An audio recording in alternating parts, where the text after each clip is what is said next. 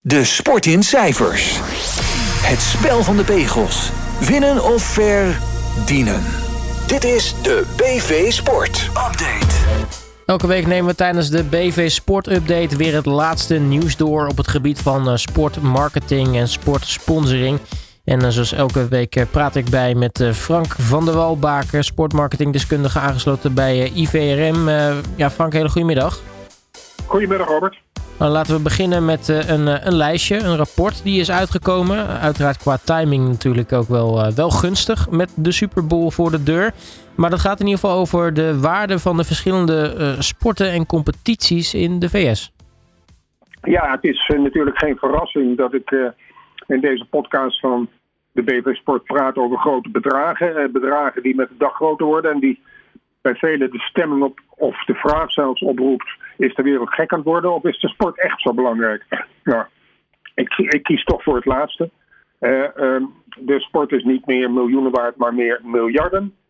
Ik denk uh, dat het laatste het geval is, miljarden dus. Mhm. Maar dat het eerste, dat de wereld gek aan het worden is, ook wel enig hout snijdt. Want hoe dan ook, je ziet die bedragen maar stijgen. En in de wereld van vandaag moet je jezelf dan ook, al ben je nog zo'n sportgek als ik, en jij Robert, moeten we onszelf toch wel eens de vraag stellen van, ja, is er naast de sport, is er niet zoveel aan de hand van de wereld dat het, het, het eigenlijk een beetje de pan uit vliegt, uh, die bedragen die er maar in de sport blijven gestopt worden. Maar misschien is het wel juist omdat er in de wereld zoveel gaande is. Maar goed, laten we ons niet aan die discussie wagen. Uh, hoe dan ook, in de Verenigde Staten is de NFL, hè, de National Football League, zoals we allemaal weten, de belangrijkste en meest gedeelde sportcompetitie. Uh, dit blijkt uit kijkcijfers, uit de hoeveelheid, eh, de hoogste, hoogte van de uitzendrechten en uit de hoeveelheid sponsors en bedragen die zij zijn bereid te betalen. Uh, en over die inkomsten uit commerciele partnerships gesproken, de collectieve sponsorinkomsten in 2023 in de NFL stegen met 15% ten aanzien van het jaar daarvoor naar 2,35 miljard, 2,35 miljard dollars. Dat is dus, nogmaals, uh, dus om elk misverstand te voorkomen, dat zijn de inkomsten uit sponsoring. De omzet uh, is natuurlijk vele malen groter.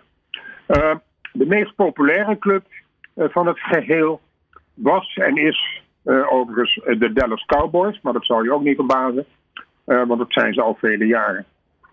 Trouwens, je, je memoreerde er, er, al even aan, Robert, de aanstaande Super Bowl, aanstaande zondag, de jaarlijkse climax eigenlijk van het NFL-seizoen. dit jaar gaat die overigens tussen de Kansas City Chiefs en de San Francisco 49ers. Heeft in de rust dit jaar een Nederlands tintje. Ehm, DJ Tiesto, bij iedereen wel bekend, wereldberoemd, treedt daarop. En dat is niet zomaar iets, want weet, en dat weten de meesten wel ook, maar ik meld het toch maar even, dat in de rust van de jaarlijkse Super Bowl uh, worden alleen sterren eigenlijk toegelaten.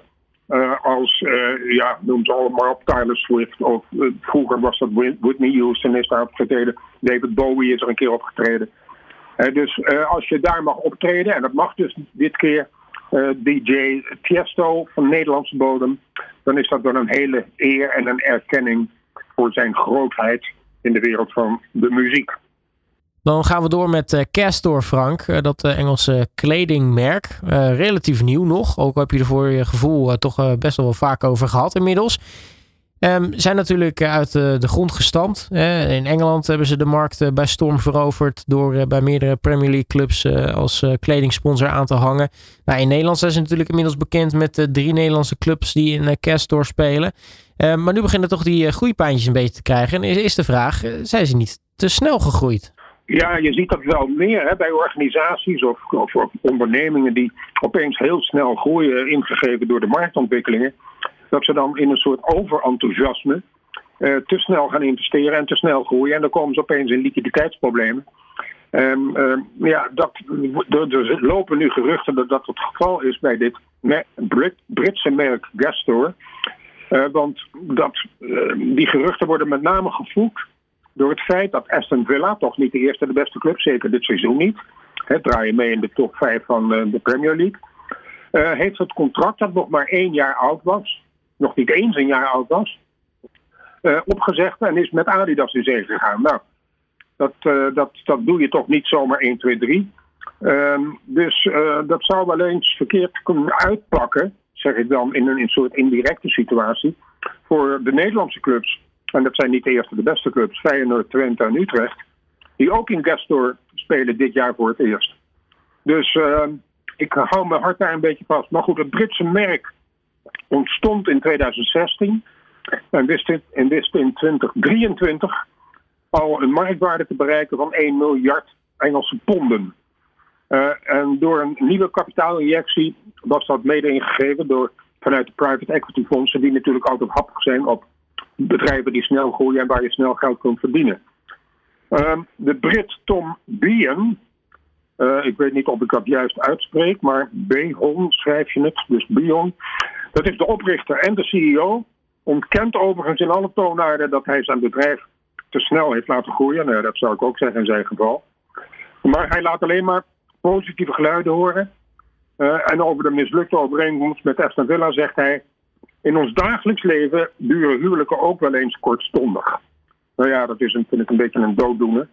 Uh, maar hij voegt eraan toe We want to be the Tesla of sportswear.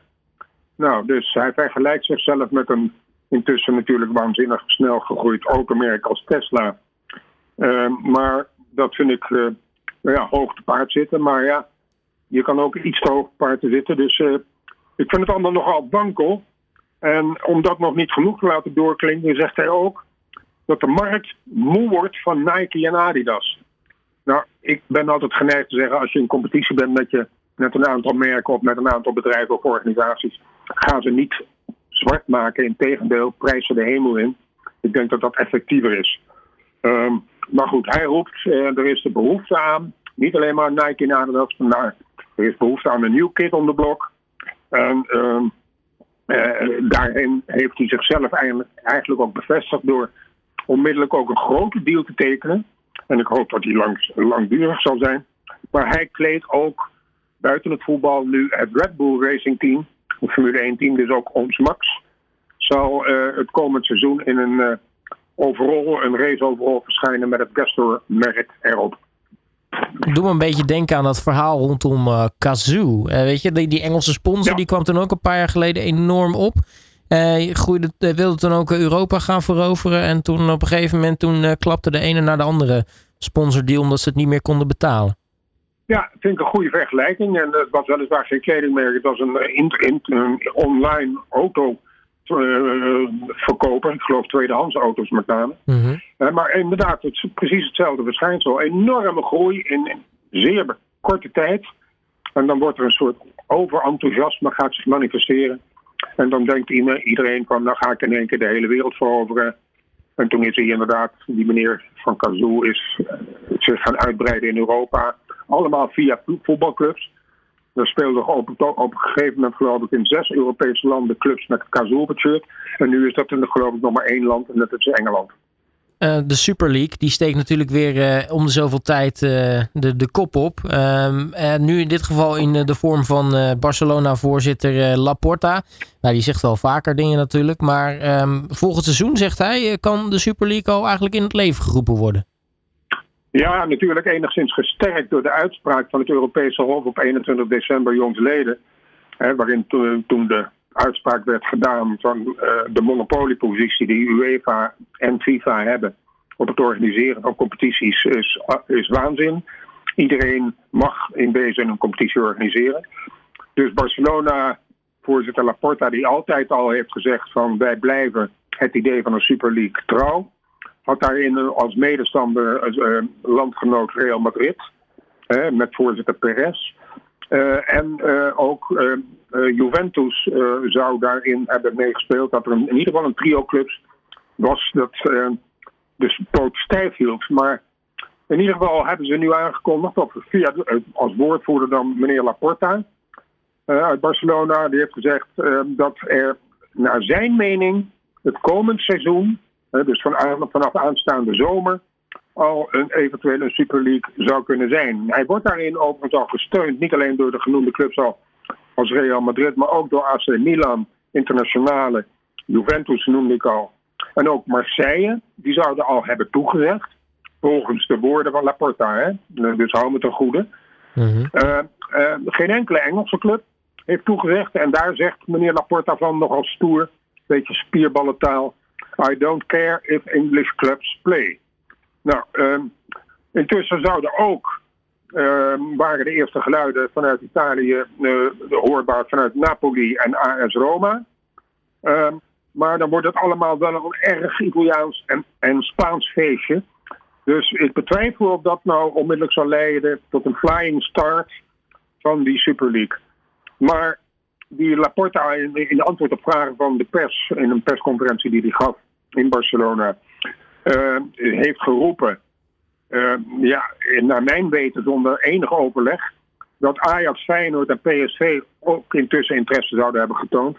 Nou, als dat het geval zou zijn, zou het ook al wel breed uitgemeten zijn in de Nederlandse pers. Dus ik heb serieuze twijfels daarover. Mede omdat meneer Laporta zich in het verleden ook al wel heeft onderscheiden door dingen te roepen die later bleken absoluut niet waar te zijn. Um, dus het klinkt allemaal enigszins voorbarig. Waarmee ik overigens niet wil zeggen dat uh, ik niet geloof in het eventueel komen van een Super League of een variant daarop. Of dat de Champions League, de huidige Champions League, dusdanig wordt aangepast dat die in de buurt komt van het concept van de Super League. Want de clubs zullen, hoe dan ook, naar aanleiding van die uitspraak van het Europese Hof, zullen meer geld gaan eisen. Uh, en als dat niet kan van de UEFA, dan komen ze met hun eigen competitie. Uh, hierop aansluitend zou ik uh, ook graag even willen melden dat. want een belangrijke persoon natuurlijk in dit hele ja, toneelstuk zou ik het bijna willen noemen. Mm -hmm. Is de persoon Alexander Severin. Dat is de hoogste baas, de voorzitter van UEFA. Ehm, deze meneer die, die zich nogal ja, wat zal ik zeggen, ja, schampend uit heeft gelaten over de initiatieven van die Super League. Die had uh, recentelijk heeft hij de statuten van de UEFA dusdanig gewijzigd dat hij na zijn periode na, weer herkiesbaar zou zijn. Want normaal gesproken was, stond in de statuten twee periodes. Nu heeft hij er wel gemaakt dat dat drie periodes of meer mag zijn. Maar uh, kennelijk heeft hij toch, en ik denk dat dat mede is gebaseerd op de uitspraak van het Europese Hof, heeft hij dat zich uh, ja, bedacht en heeft hij gezegd dat hij eind van zijn huidige termijn niet zal terugkeren uh, en dat hij dus zijn stoel uh, ter beschikking zal stellen. Ik ben moe van COVID, moe van twee oorlogen en moe van onzinprojecten zoals de zogenaamde Super League. Ik kan met een gerust hart in de spiegel kijken. Al dus een verklaring die hij heeft afgegeven. Nou, met een gerust hart de spiegel inkijken. Nou, dat zal hij naar zichzelf kijken, maar ik denk dat weinig mensen daar lovend over zullen zijn. Ja, en ik weet niet of je die woorden nog gehoord hebt die uh, uh, Severin heeft geroepen over het feit dat hij afscheid gaat nemen natuurlijk als, als voorzitter. Dat hij, dat hij moe was van nou ja, twee oorlogen, die hele Super League, alle juridische zaken, dat het, dat het hem gewoon, nou, dat het er gewoon een beetje wars van was. Ja, kijk, als iemand dat soort dingen gaat roepen, dan is het in mijn perceptie altijd zo van hij ziet geen kans meer om te winnen. En nu gaat hij dit soort opmerkingen roepen dat hij moe is van oorlogen. Ja, dan denk je dat ik ik wel applaus, want iedereen is moe van oorlogen. Maar dat zou juist een sterke man, en dat moet hij zijn als voorzitter van UEFA, hem sterken om juist door te gaan. Maar goed, dat is mijn interpretatie. Uh, en die ruil ik graag in voor een andere. Dan eh, Real Madrid. Ja, je noemde de club net al eh, even. Um, ik had het eigenlijk niet zo gek door, omdat je er nooit, nooit echt heel erg op let. Dat zegt misschien ook wel weer wat over uh, nou ja, hoe misschien de waardes van mouw-sponsoren er in dit geval uh, bij staan. Maar um, ik wist dus niet dat Real Madrid als club eigenlijk nog niet met een, een mouwsponsor heeft gespeeld. En dat ze dus nu pas voor het eerst een mouwsponsor gaan toelaten. Ja, dat, dat is een juiste constatering. Uh, ik denk dat het uh, heel knap is. Ik vind dat vanuit marketingoogpunt bekeken juist heel goed dat een club als Real Madrid, het toch de meest magische club uh, van de wereld, uh, dat heeft gedaan. Het is een beetje vergelijkbaar met wat FC Barcelona tijden heeft volgehouden door niet met een shirt sponsor te spelen, terwijl sponsors bij wijze van spreken in de rij stonden voor de club. Maar is toen begonnen om toch die doorbraak te bewerkstelligen. Om uiteindelijk toch ook meer geld te verzamelen. Oh, met een goed doel. Hè. Hebben ze lange tijd met UNICEF op het shirt gespeeld. Nou, daardoor was er een soort gewenningsproces op gang gekomen bij de fans van de club en de fans wereldwijd. Dat uh, ook het magische shirt van Barcelona uh, was voorzien van een reclame met een goed doel. Ben je dan nog toleranter? Nou, dat is daar later overgegaan. En nu staat er gewoon een commercieel bedrijf als Spotify op het shirt. Maar goed, uh, eigenlijk is dat te vergelijken met de policy die Real Madrid tijden heeft gevoerd. Maar ze zijn nu toch gezwicht. Ondanks het feit dat zij al prachtige contracten hebben natuurlijk met Adidas al heel lang uh, de materiaalsponsor en Fly Emirates al heel lang de shirtsponsor. In zijn totaliteit betalen die twee bedrijven samen per jaar 190 miljoen. Uh, en, en, dat is een, bedrag dat echt klopt. Want uh, wat naar mijn mening niet klopt, is het bedrag dat nu wordt gecommuniceerd. Niet door Real Madrid zelf, maar via de media heb ik moeten lezen dat er een meerjarige deal is gesloten voor het mouwsponsorschap. Dus ze zijn inderdaad door de bocht gegaan. En dat dat 70 miljoen zou opleveren. En degene die dat zou betalen is HP, Hewlett Packard, computergigant. Nou, ik geloof er niet van dat die 70 miljoen gaan betalen voor het mouwtje van het magische witte shirt van Real Madrid. Ik denk dat de marktwaarde meer ligt in de hoogte van 80 miljoen. Maar hoe dan ook, het is een heel hoog bedrag. Want de huidige gemiddelde prijs voor een mouwtje in de Premier League, om maar eens iets te noemen, toch de rijkste competitie ter wereld, is om en bij de 15 tot maximaal 20 miljoen.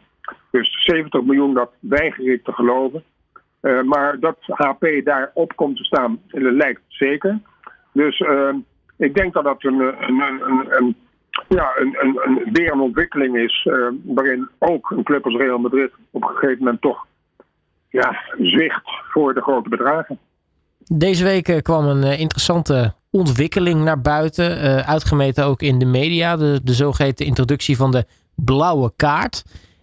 Een interessant concept. Wat mij eigenlijk een beetje doet denken aan wat je in de, de, de reserveklasses in Nederland ziet. Dat als je geel krijgt, dan moet je 10 minuten op de bank zitten.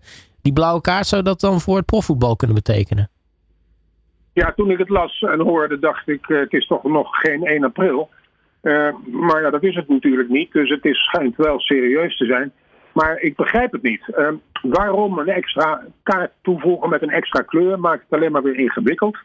Waarom niet de gele kaart aanpassen? Want wat ze nu zeggen, de blauwe kaart zou worden geïntroduceerd voor het maken van een schwalbe en voor het beledigen van de scheidsrechter.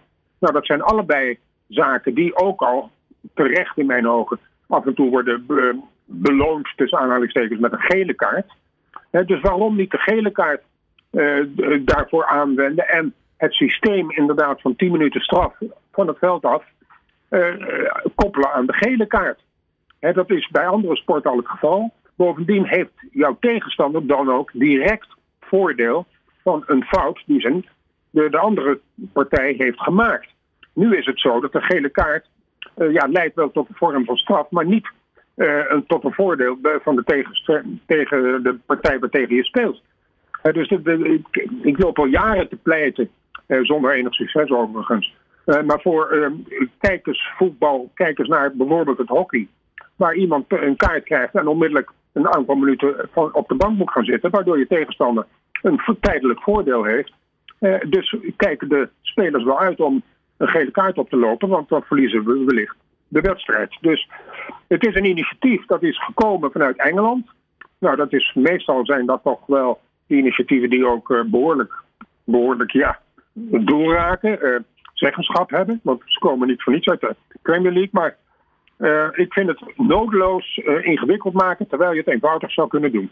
Want dat, dat vraag ik me af. bijvoorbeeld, nou ja, stel je hebt een opstootje en je krijgt zes man een gele, gele kaart. Ja, dan, dan, ben je, dan ben je goed de sjaak. Ja, ja, inderdaad. En dat zou overigens, denk ik, een hele interessante ontwikkeling zijn, ook voor de kijkers, voor het publiek. Want dan zouden er opeens in plaats van elf, eh, zouden er opeens uh, zeven of zes spelers op het veld staan. Nou, dat, uh, dat zou een hele aantrekkelijke en spannende en onvoorspelbare situatie opleveren, die de sport alleen maar leuker maakt. Ja, zeker interessant. Want je hebt natuurlijk ook nog die regel dat je niet, meer, niet met minder dan acht spelers op het veld mag staan. Exact. Dan moet je dat ook gaan aanpassen. Inter Miami hebben natuurlijk nou ja, niet alleen Lionel Messi aangetrokken, dat wisten we wel. nu ook Luis Suarez natuurlijk. Maar die hebben een, een, een, een, een, ja, een vriendschappelijke tour gedaan. Ook met wat Saoedische clubs opgetrokken. En uh, nou er waren nogal wat heftige reacties in bepaalde landen, lees Hongkong, over bijvoorbeeld het, niet meespelen van Messi. En dat, dat Messi-Suarez effect bij Inter Miami, die zou je toch even willen, willen toelichten. Ja, in eerste instantie wil ik even iets anders zeggen ook over Inter Miami. Dat, je, terecht zeg je inderdaad, sinds de komst van Messi en Suarez is die club opeens, hè, de eigendom van David Beckham, uh, is meer in het licht dan ooit. Want ze hebben het, uh, hun huidige, uh, of hun, inmiddels vertrokken shirtsponsor, het, het een, een, een, ja, XBTO, dat is een cryptobedrijf. Geen die is gevangen de Royal Caribbean, dat is een cruisemaatschappij. Uh, en, en naar verluid betaalt de cruisemaatschappij 6 miljoen dollar. Dat is in Amerika voor een, uh, een Major League Soccer club is dat uh, redelijk veel geld. Maar daarbovenop een onbekend bedrag, wat ook niet bekendgemaakt wordt, voor de ambassadeurs Messi en Suarez. en Messi werd ook al direct ingeschakeld om onlangs het grootste cruiseschip ter wereld te dopen. Dat is een schip van die Royal Caribbean Cruise Maatschappij. Uh, maar goed, het effect van beide sterren komt aan de oppervlakte. Want beide spelen dus een deal gesloten van een relatief bescheiden salaris. Maar daarnaast, en dat is natuurlijk aantrekkelijk voor die spelers en hun management. Een aantrekkelijk percentage uit alle inkomsten, inclusief televisierechten en inkomsten uit vriendschappelijke wedstrijden tegen wie dan ook. en zo speelde, en daar had je het net al over, Robert, Inter Miami vorige week een vriendschappelijke wedstrijd uh, uh, tegen de Saudische club Al Hilal. Nou, daar, was natuurlijk behoorlijk wat geld mee gemoeid. Want als je in Saudi-Arabië een wedstrijd gaat spelen, dan weet je dat het over groot geld gaat. Uh, maar ook speelde de ploeg daarna tegen een Hongkong-ploeg. Maar wat was de teleurstellende situatie?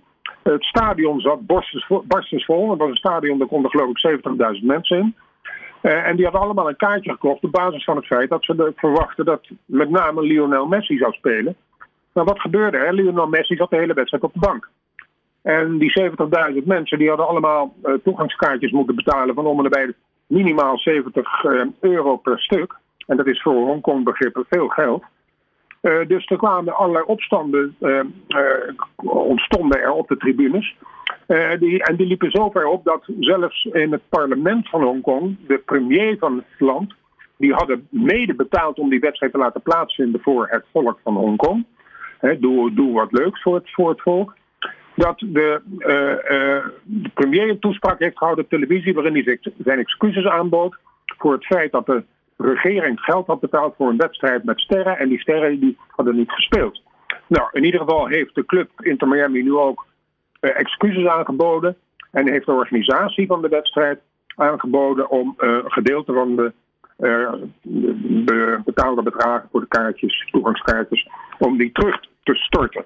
Nou, intussen zijn de, is de club door, Inter Miami doorgereisd naar Japan, waar ze, wel gespeeld, waar ze ook gespeeld hebben, vriendschappelijke wedstrijd. En daar verschenen zowel Suarez als Messi in de tweede helft. Ik geloof nog om de bij de 20 minuten zijn ze nog geweest. Uh, ze hadden in, zowel in Hongkong als Tokio uh, de, het excuus dat ze beide licht geblesseerd waren.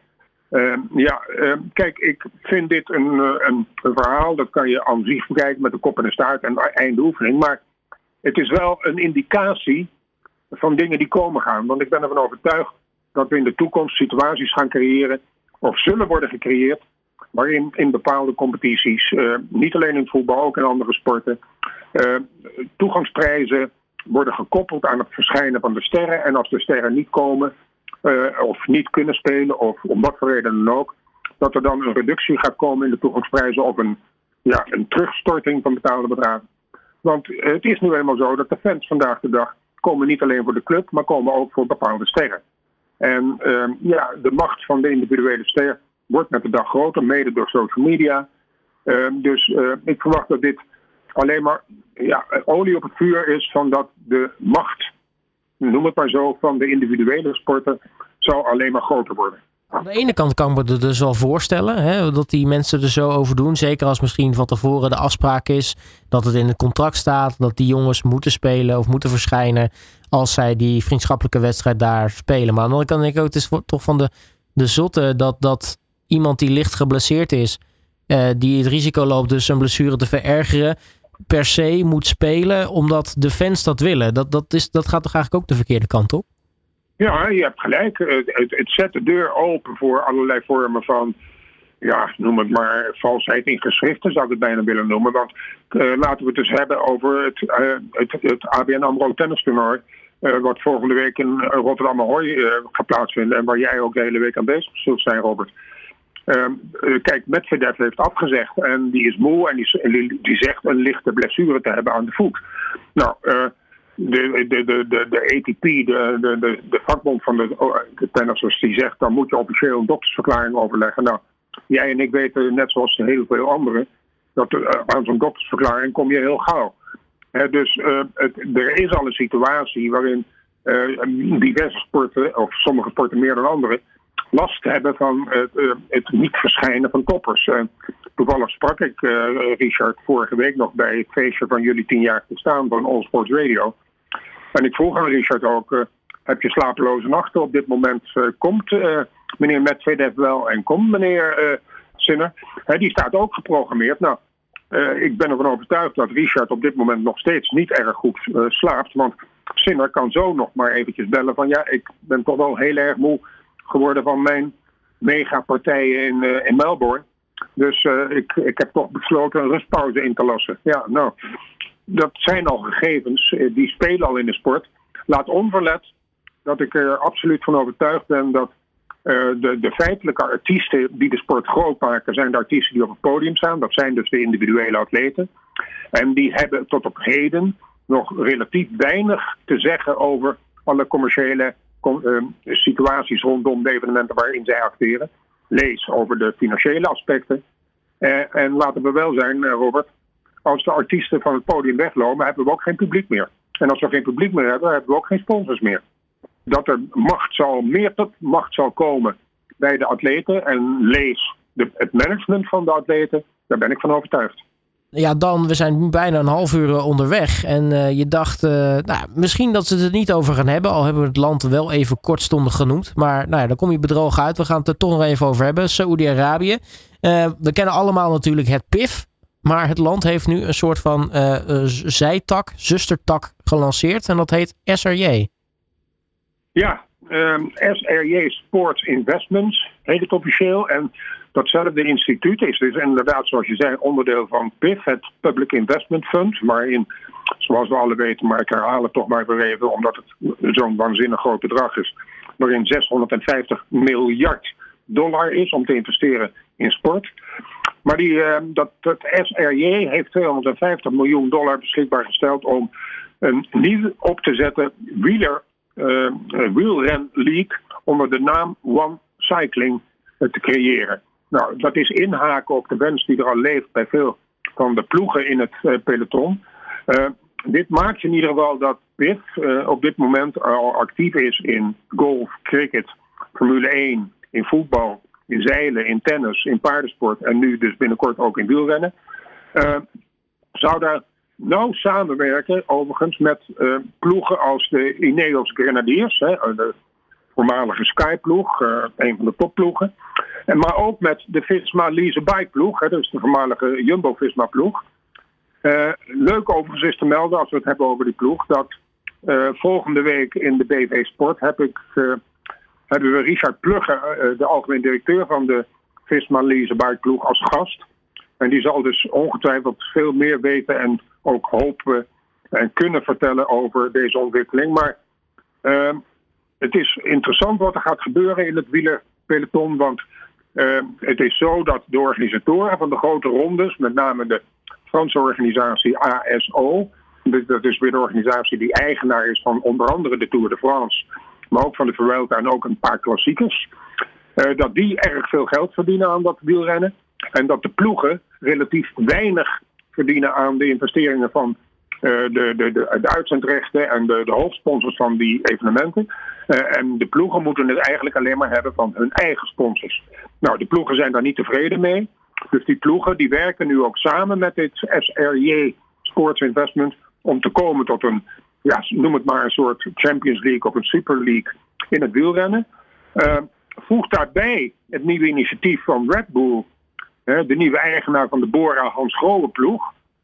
die intussen al Prim Primoz Roglic weg hebben gekaapt bij de, uh, de, uh, de Visma-ploeg van Richard Plugge. Mm dat die ploegen ook zeer nadrukkelijk bezig zijn om een ander stempel op het wielrennen te drukken. Want jij en ik weten, Robert, dat als Red Bull ergens instapt, dan doen ze dat goed. Mm, en reken maar dat Red Bull uh, alleen maar tevreden zal zijn als ze mee gaan strijden om een winst in de Tour de France en de andere grote rondes. Dus het, het hele wielergedoe, noem het maar even zo, het peloton staat redelijk op zijn kop. En ik, uh, ik vind het heel spannend.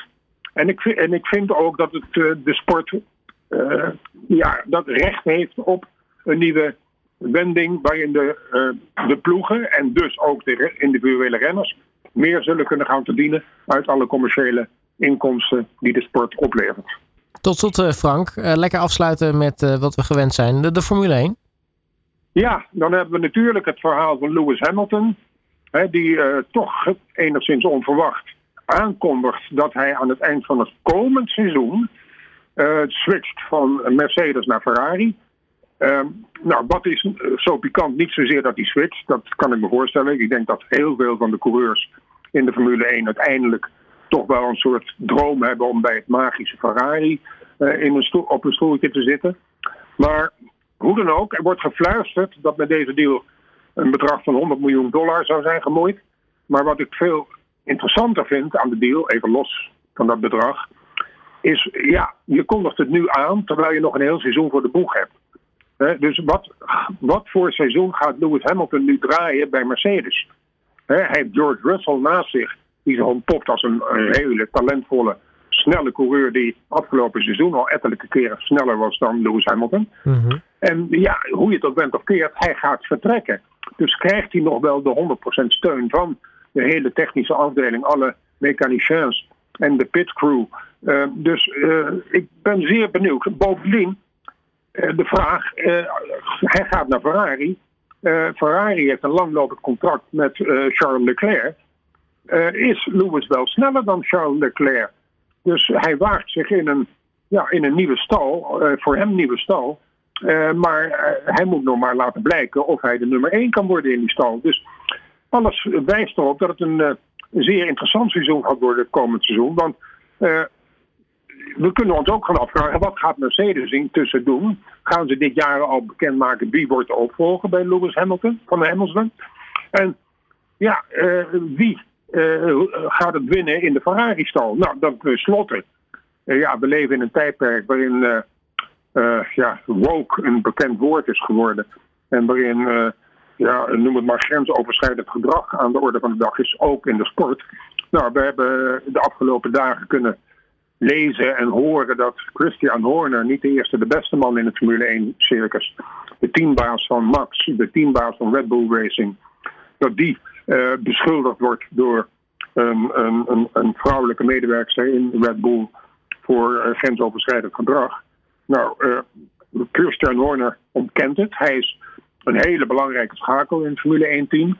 Maar aan de andere kant was er al enige oneenigheid tussen hem als algemeen directeur van de stal en de adviseur vanuit Red Bull, Dr. Marco, dat die twee ook niet helemaal goed door de één deur kunnen samen. Dus uh, ook daar een interessante ontwikkeling. En ook de sport leidt met een lange ei dus onder um, de woke-cultuur van grensoverschrijdend gedrag.